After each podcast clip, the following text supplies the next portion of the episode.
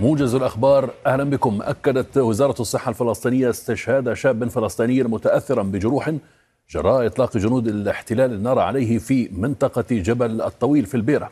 وأوضحت الوزارة أن فلسطينيا آخر أصيب بجروح في الأطراف السفلية.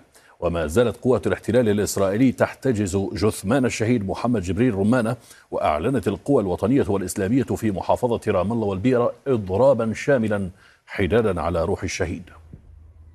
أعلنت الأمم المتحدة أن بعثة لتقييم الاحتياجات الإنسانية ستصل إلى إقليم كربخ بنهاية هذا الأسبوع في خطوة هي الأولى من نوعها منذ نحو ثلاثة عقود. وقال المفوض السامي للأمم المتحدة لشؤون اللاجئين إن أكثر من مئة ألف من أرمن كرباخ عبروا إلى أرمينيا. في هذه الأثناء نقل مراسل الجزيرة عن مصادر محلية في ستيباناكيرت عاصمة إقليم كرباخ قولها إن الشرطة الأذربيجانية بدأت الانتشار في المدينة. قال الكرملين إن مسألة إبرام معاهدة السلام بين أرمينيا وأذربيجان ما تزال مهمة وأضاف الكرملين إن موسكو ستناقش مع باكو مستقبل قوات حفظ السلام الروسية الموجودة على أراضي أذربيجان. أعلنت وزارة الدفاع الروسية إحباط هجوم أوكراني وتدمير 11 طائرة مسيرة في أجواء مقاطعتي كالوغا وكارسك الروسيتين خلال الساعات الماضية ولم تذكر وزارة الدفاع تفاصيل بشأن خسائر مادية نتيجة الهجوم.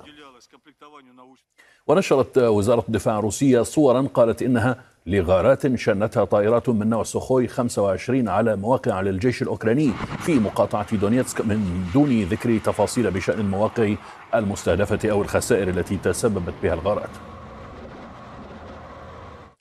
في المقابل أعلن الجيش الأوكراني أن 100 بلدة في مقاطعات تشيرنيهيف وسومي وخاركيف ولوغانسك ودونيتسك وزابوروجيا وخيرسون تعرضت لقصف مدفعي روسي في الساعات الماضية. أضاف الجيش أنه خاض 44 اشتباكا مع القوات الروسية على الجبهات كافة وأن القوات الروسية شنت ضربات جوية وصاروخية. قالت حركة النهضة التونسية أن رئيسها راشد الغنوشي بدأ إضرابا عن الطعام لمدة ثلاثة أيام متتالية دفاعا عن مطلب كل المعتقلين السياسيين بإطلاق سراحهم حسب تعبيرها. أضافت الحركة أن الغنوشي دخل الإضراب عن الطعام تضامنا مع القيادي في جبهة الخلاص جوهر بن مبارك المضرب عن الطعام منذ الثلاثاء الماضي. من جهته قال رئيس جبهة الخلاص أحمد نجيب الشابي أن الجبهة ستبدأ في تنفيذ فعاليات للتضامن مع القيادي في الجبهة. جوهر بن مبارك ودعا الشابي المجتمع وتنظيماته المدنية إلى النهوض لمساندة المعتقلين معتبرا أن التهديد يستهدف الجميع وفق تعبيره. ختام الموجز إلى اللقاء.